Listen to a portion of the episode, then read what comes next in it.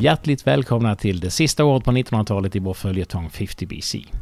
Det här året är inte särskilt svårt att få jobb om man kan programmera. Alla organisationer i alla länder är nämligen fullt upptagna med att försöka fixa millenniumbuggen. Och alla vi andra, vi går omkring och undrar på vilket sätt vi kommer att dö på nyårsdagen.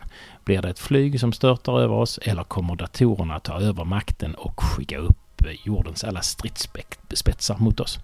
Det här är året då Volvo blir amerikanskt för några år, där NATO bombar Serbien, där hela EU-kommissionen avgår och där två poliser blir avrättade av rånare i Alexander.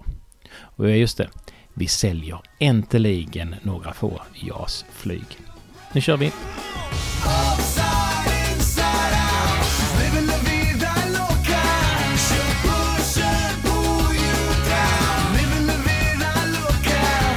1999. Eh, Ericsson-koncernen stänger sin eh, fabrik i Norrköping den 25 januari. 600 människor, personer eller människor förlorar sina jobb. Ja. Och sen eh, två dagarna efter den 26-27 januari så går, eller säger Estland först nej till en bärgning av Estonia och sen Lettland. Eh, och sen den 28 januari så köper Ford Volvo. Men, men det där Estland och Lettland, alltså vad... Har du fattat detta? Ja men eftersom det, det var det väl så att eftersom att Estland Dels så sjönk väl Estonia på eh, internationellt vatten. Mm. Och eh, sen antar jag att det hade med att göra med vilka som var passagerare ombord. Mm. Eh, jag antar att det var mycket personal från Estland och Lettland. Mm. Så att Sverige, Estland, Lettland, Finland Mm. eh, som var liksom inblandade på något sätt hade väl, fick väl eh, fatta beslut om huruvida man skulle tillåta Ja. bärgning eller dykning Ja. eller liknande. Och det fattar jag, men varför? Ja, det har ju med gravfrid och, och, och saker att göra. Och sen är det såklart också förmodligen en kostnadsfråga. Det, Ja. Att eh, eh, gräva upp en, eh, en med, med flera miljoner ton tung färja ifrån Mm. havets djup. Det är väl inte någonting som Estland och Lettland Nej. prioriterar jättehögt. Sen sa du någonting om eh, Volvo. Ja, Volvo. Tydligen köpte Ford eh, Volvo. alltså personvagnarna då, inte eh, Lastbilarna. lastvagnarna. Jag undrar om inte lastvagnarna är någonstans i samma härad där.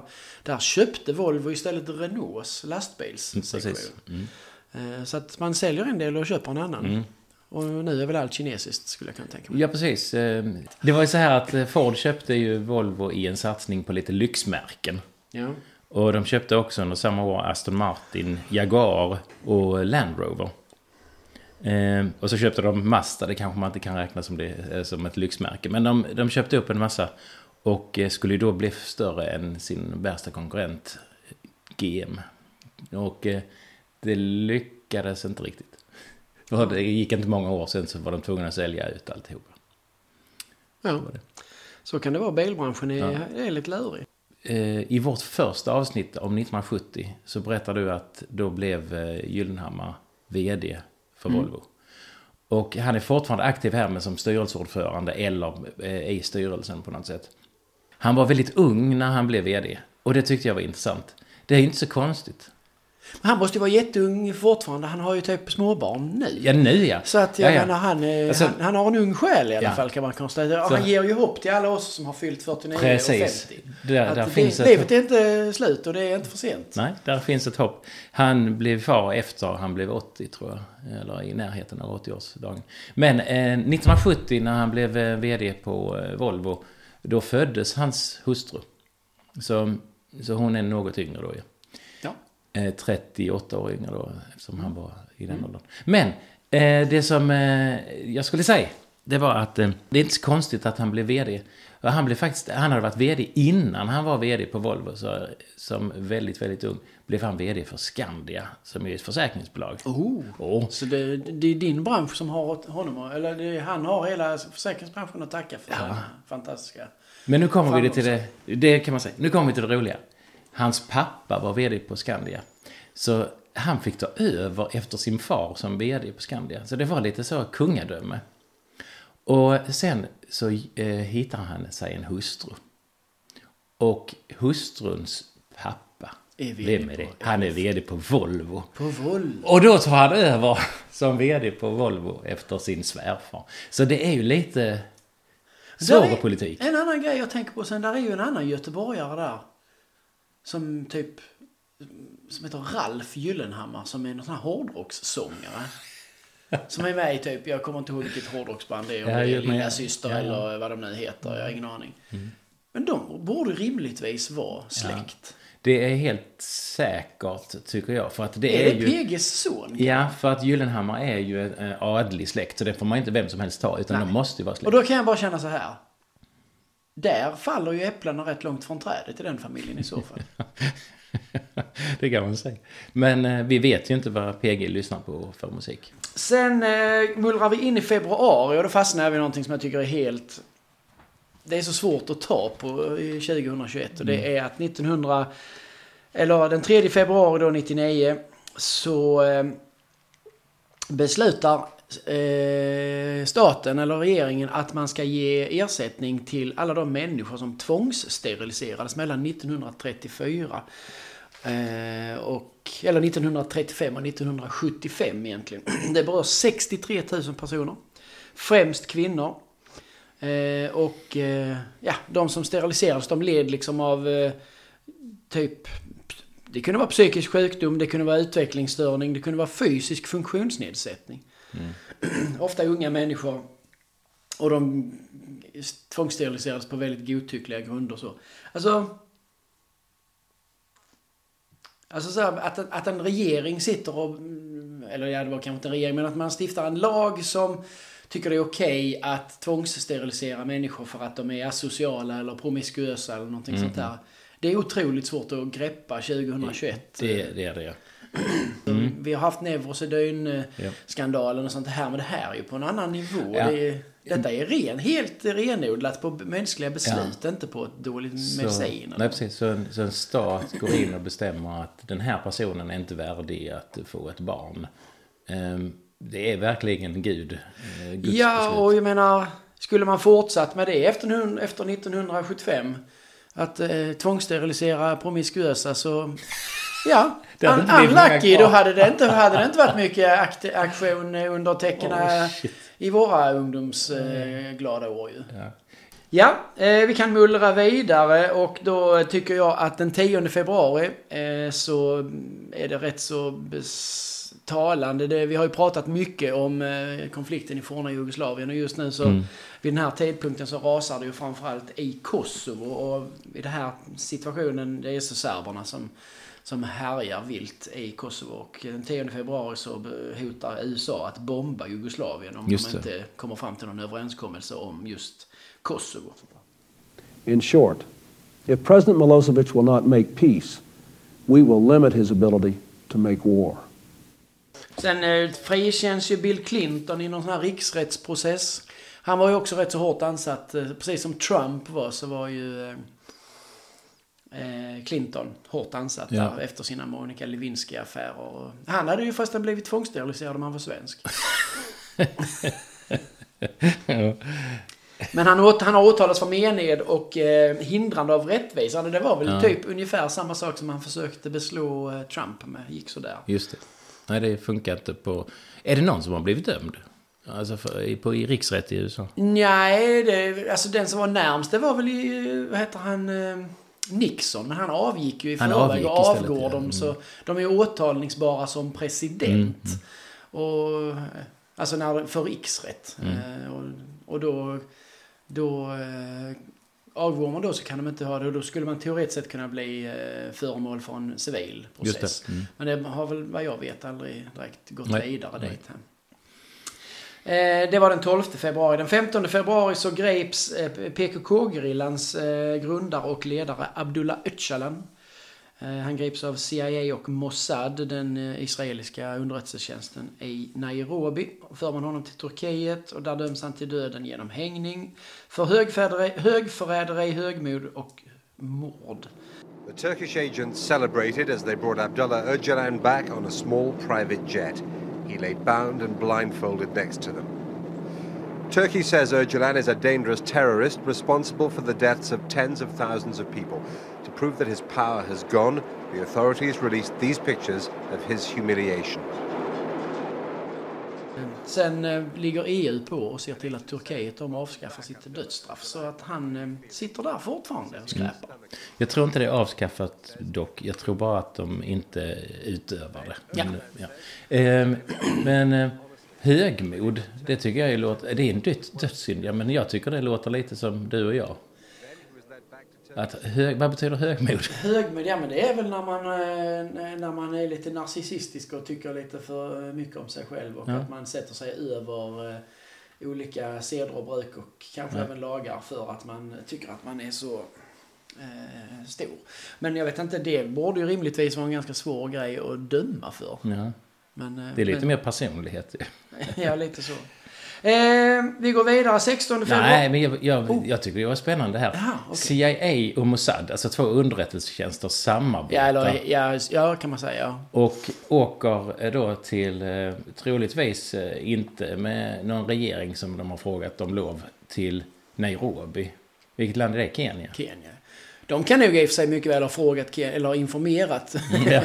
Kenias regering om att vi kommer och då har säkert inte de sagt någonting. Nej.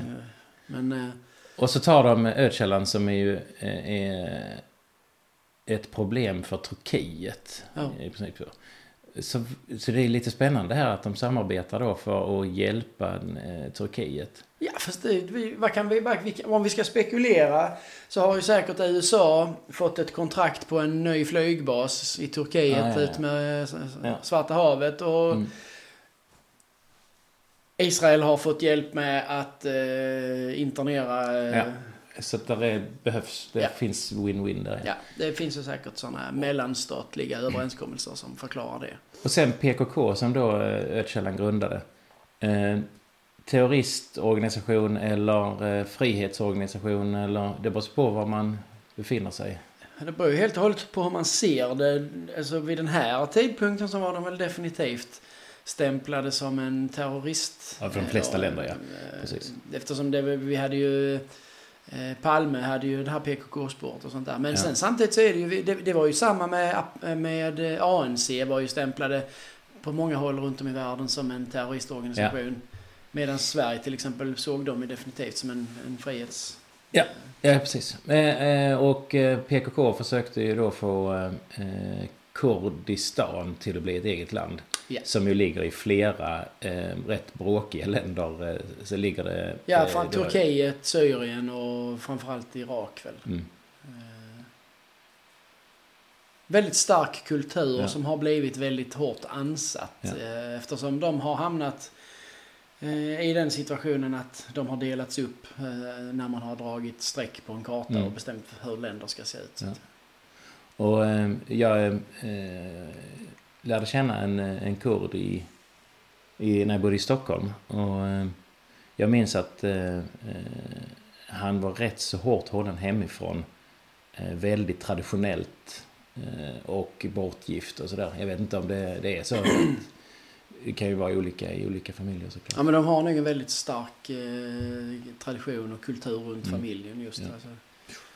16 februari så avlider Björn Afzelius i cancer, 52 år gammal.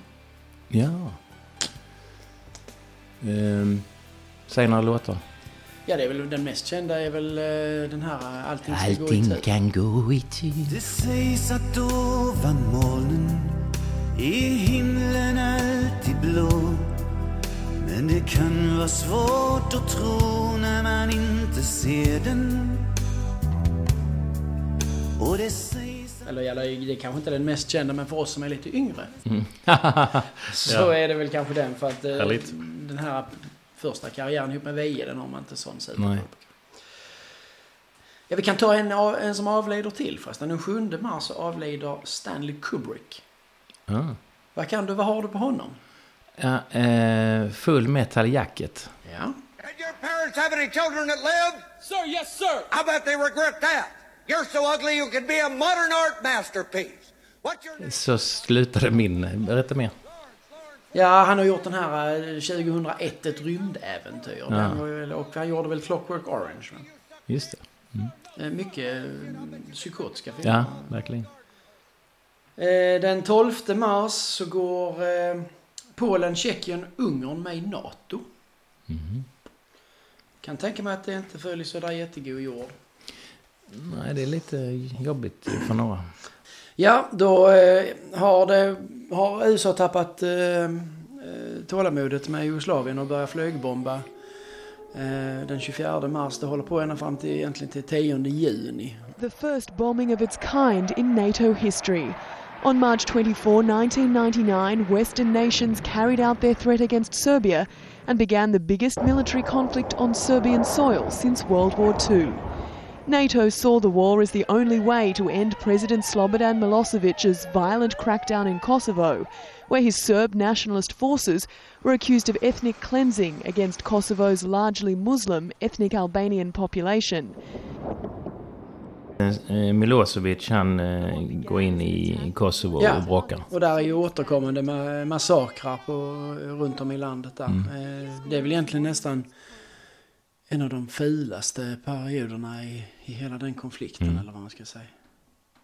Ja, Milosevic han eh, hamnar ju efteråt i, eh, i I Haag rätten, i ja. rätta. Eh, och blir dömd för krigsförbrytelser. Nej, han hinner dö innan rättegången avslutas. Så han, han blir faktiskt inte dömd. Sen har vi eh, den 20 april. Eh, vet du vad som händer då? Ja, det är The Columbine Massacre. I just started screaming and crying and telling them not to shoot me.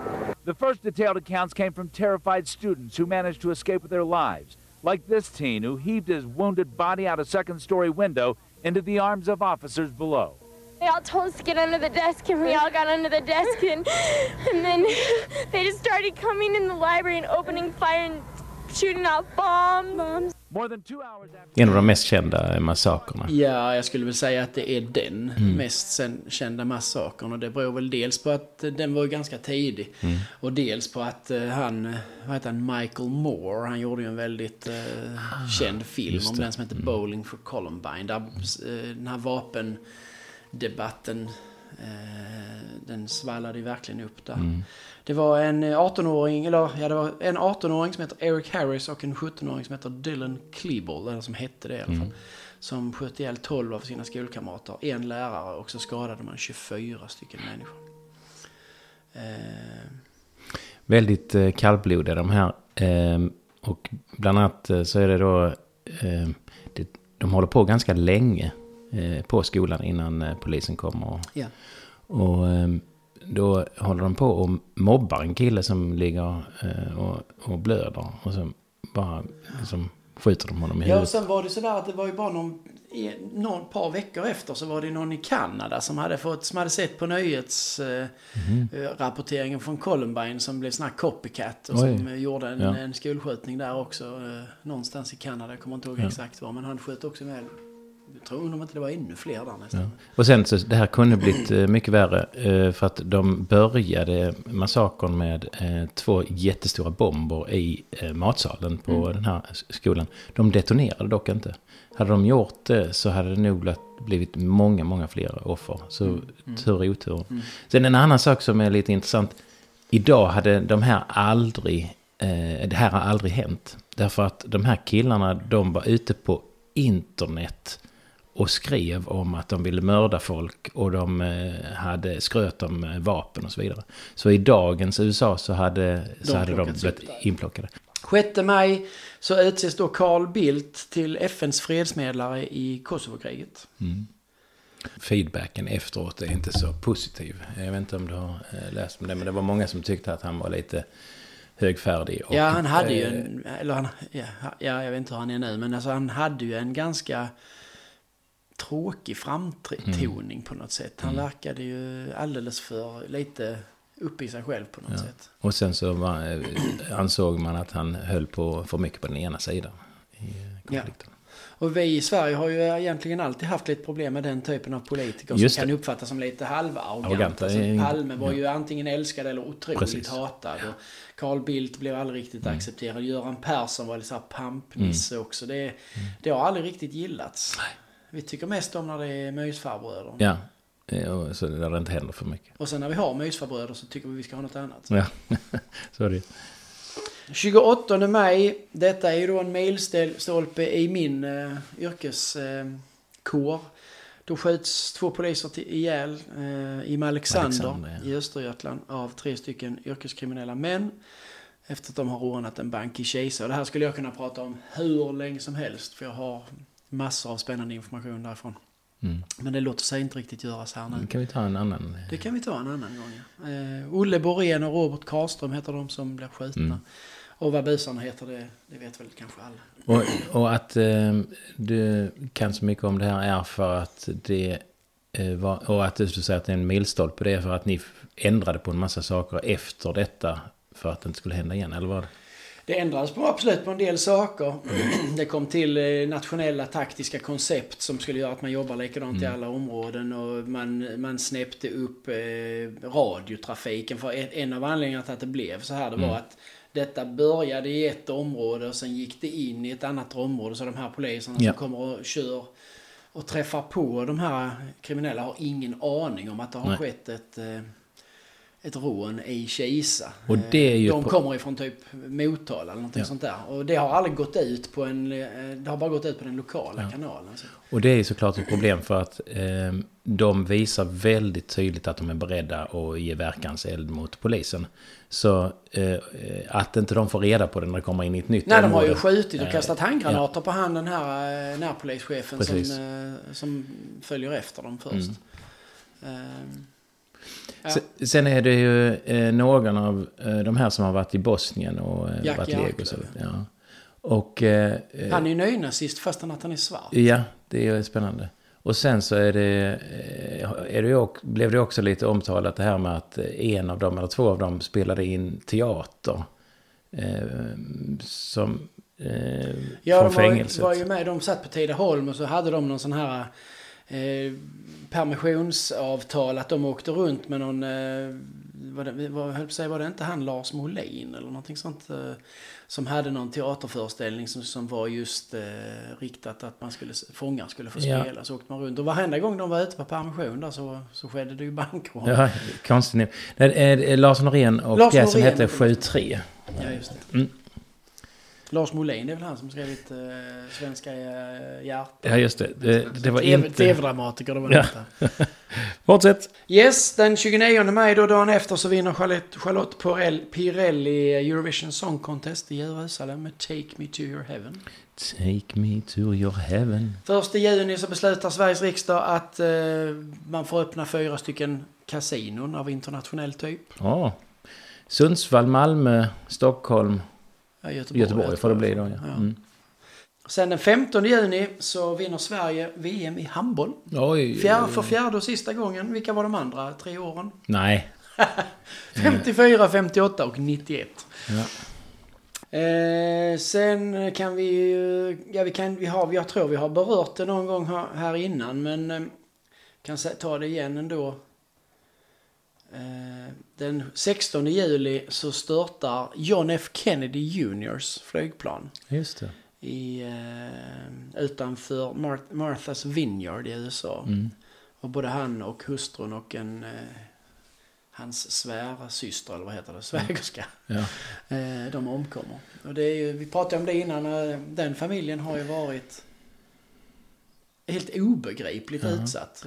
Vi pratade om det eh, när vi pratade om eh, mamman. Jag vet inte vad det var Ja, med ja, mamman. ja, ja, hon f- måste ju ha gått igenom det mest tragiska man kan ha varit med om. Ja. Man tänker så här, alltså vad, hur ser indier på eh, familjen Kennedy? Som tror på karma liksom. Ah, nej, det är klart. Det måste ju... De måste, vad fan har de gjort? Ja. Det är verkligen... eh, Ja. Och, men, eh, och det, det är ju konstigt att det är så olycksdrabbat på bara en familj. Så kan man också säga olycksdrabbat och succérikt. Alltså det var ju flera presidentkandidater och... ja, Det ju, Ja, det var, ju, och- eh, det var ju en president som blev Ja. president och blev mördad. Och Ja. en som blev nästan president och Ja, blev också precis. mördad. Så- Och en tredje som eh, körde ihjäl eh, en ung tjej Jo, jo, jo. Och, och smet från fly när han Ja. var på väg att bli president också. Så Ja. det, det har gått bra, men ändå sådär. Och vi, frågan är om man skulle gå tillbaka i tiden, var det värt det? Ja, jag blev president men mördad. Nej, kanske inte. Jag vet inte. Ja. Eh, 9 augusti, det här, så börjar ju någonting. Det här är ju starten på någonting som vi kommer att få betala för, skulle jag tro. Mm. Eh, Och jag kommer, bara för jag säger detta, kanske hamna i Ljubljanka-fängelset. Ja. Jag vet inte. Men då utses Vladimir Putin till Rysslands 17 premiärminister. Ja. Och det är ju på den här tiden som eh, han är ju premiärminister för president är ju fortfarande det vandrande vodkabryggeriet eh, Jo, just det. Boris Jeltsin. Mm. Eh, samma datum så köper förresten by the way eh, Sydafrika nio stycken JAS-plan. Åh. Också av mycket oklar anledningar. Ja, men, och det är ju det att eh, det är de enda JAS-flygplanen Som som Sverige sälja. lyckas sälja som, som är liksom som tillverkas. Vi, vi säljer också några begagnade. Och, ja, och några som vi själva har beställt eller som eh, svenska staten eller... eh, Men de begagnade var det de här som störtade då? Det vet jag inte riktigt. Men just det här Sydafrika är då nio stycken JAS-flygplan som är tillverkade för Sydafrika. Och Fantastiskt. så har man lagt miljarders miljarder miljarder på att ta fram ett plan och så lyckas Ja. man sälja nio stycken. Mm. Eh, 12 oktober sen, om vi går in i oktober, då passerar världens befolkning 6 miljarder. Ja, Och jag skulle väl säga att det är det inte 7,5 miljarder nu eller Jo. någonting. jo. Varav hälften i Indien och Kina. Ja. Ja. 20 år senare så har det alltså... Ja. Ja, det, det är på väg mot 8, det är helt sjukt. Ja, ja. Sen eh, samma datum, 12 oktober, så mördas, eller den svenske syndiki, syndikalisten eh, Björn Söderberg. Han skjuts till döds av nynazister utanför sin egen lägenhet. Och detta är, är på grund av att han har avslöjat eh, för tidningen Arbetaren, inte Ja. Arbetet, utan för tidningen Arbetaren, att en person som heter Robert Westerlund är nynazist och att han hade valts in eh, som facklig representant på sin arbetsplats. Eh, och det gjorde att han fick avgå och då var det tre stycken andra nynazistiska herrar som tyckte att det var inte bra. Så då sköt man ihjäl honom och eh, två av dem dömdes för mord. Ja. Och syndikalist har jag förstått att då är man medlem i Svenska Arbetares Centralorganisation. Det är alltså en syndikalistisk fackföreningsgruppering. Ja. November så... 6 november så, sa- så säger eh, Australien befolkning nej till att bli republik i en folkomröstning. Så de vill fortsätta vara kopplade till England? Ja, och det berodde ju väldigt mycket på... de- Alltså Australien var, det var en väldigt stark republikansk eh, debatt och så eh, under 80-talet främst. Men så skickade man ju dit eh, prinsessan Diana och prins Charles. Ja, okej. De hade väl med sig eh, den nuvarande kronprinsen också. Jag tror han var född då precis. Mm. Och hon gjorde sån fruktansvärt braksuccé. Och blev så otroligt älskad i det här landet. Så att eh, de fick helt enkelt, alla republikanerna fick bara lägga ner Ja. sin agenda. Och sen så kulminerade det i det här då.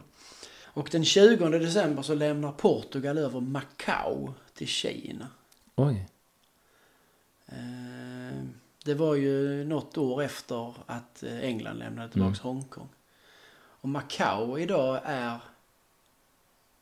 en helt surrealistisk eh, upplevelse. Det är liksom en, en ministad, precis som Hongkong, men de har ju ing, alltså Hongkong är ju liksom ett ekonomiskt nav med Ja. banker och eh, massa företag och sånt här som Ja. har sin huvudkontor för den asiatiska marknaden där. Medan Macau är bara ett jättelikt Las Vegas. Men oj. Med helt sjuka kasinon liksom. Det var något, det är något kasino där som man liksom...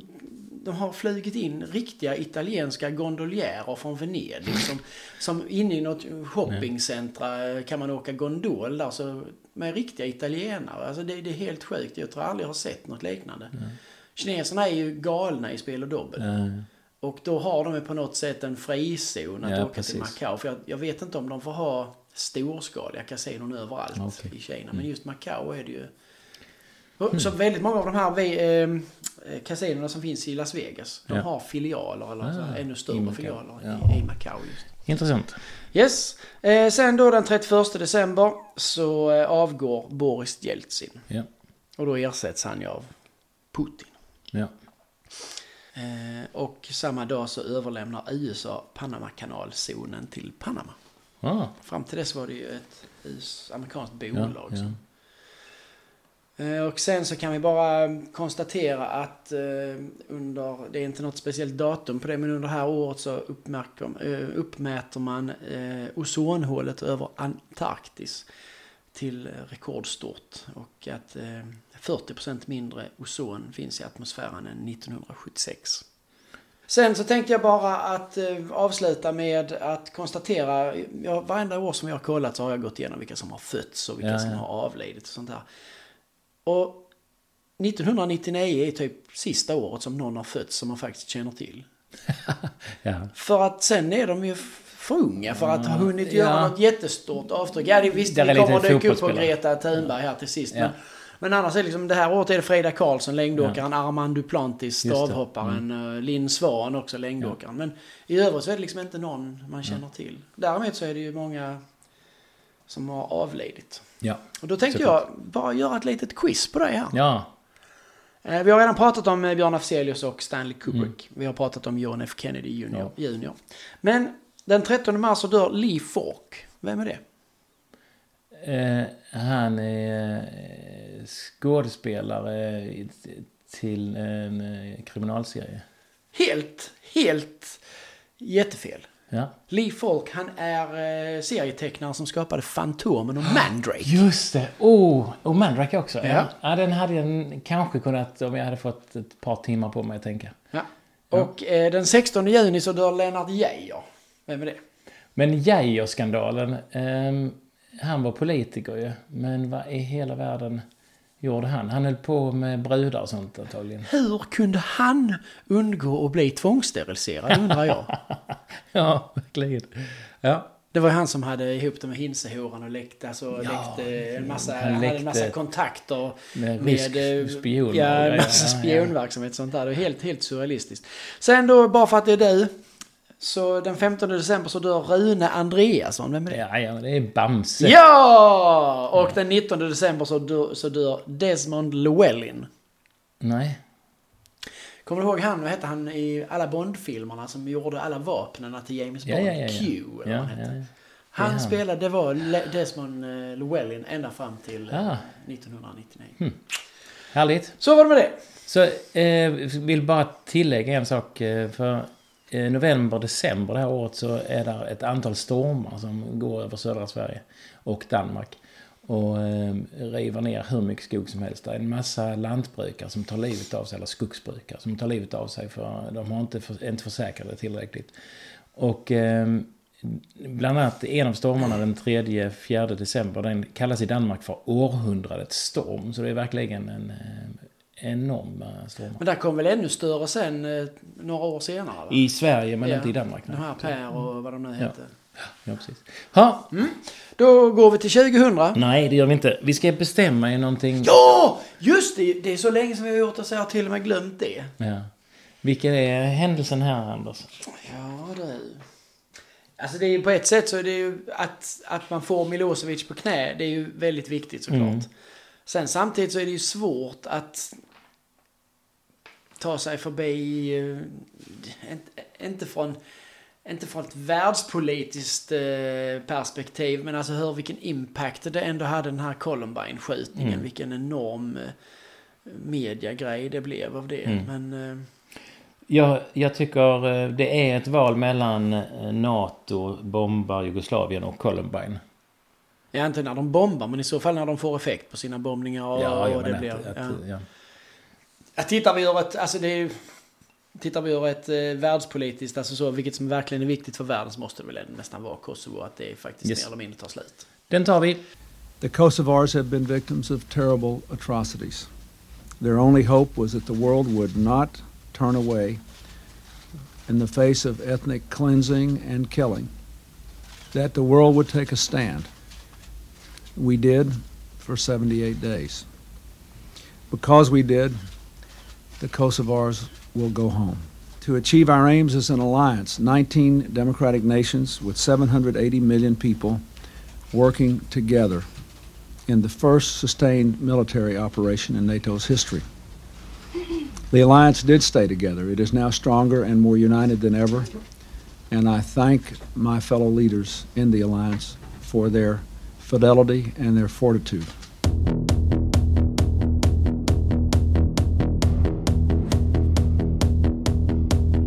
Ja, det var allt vi hade 1999 och läskigt värre med skolskjutningar, polismord och bomber och granater. Årets händelse blev att NATO bombade Jugoslavien och årets soundtrack blev Ricky Martin med Living La Vida Loca. Detta avsnittet handlar alltså om året 1999 och det betyder att nästa gång kommer vi att vara över på den andra sidan millenniumskiftet. Jag hoppas vi hörs då. Hej hej!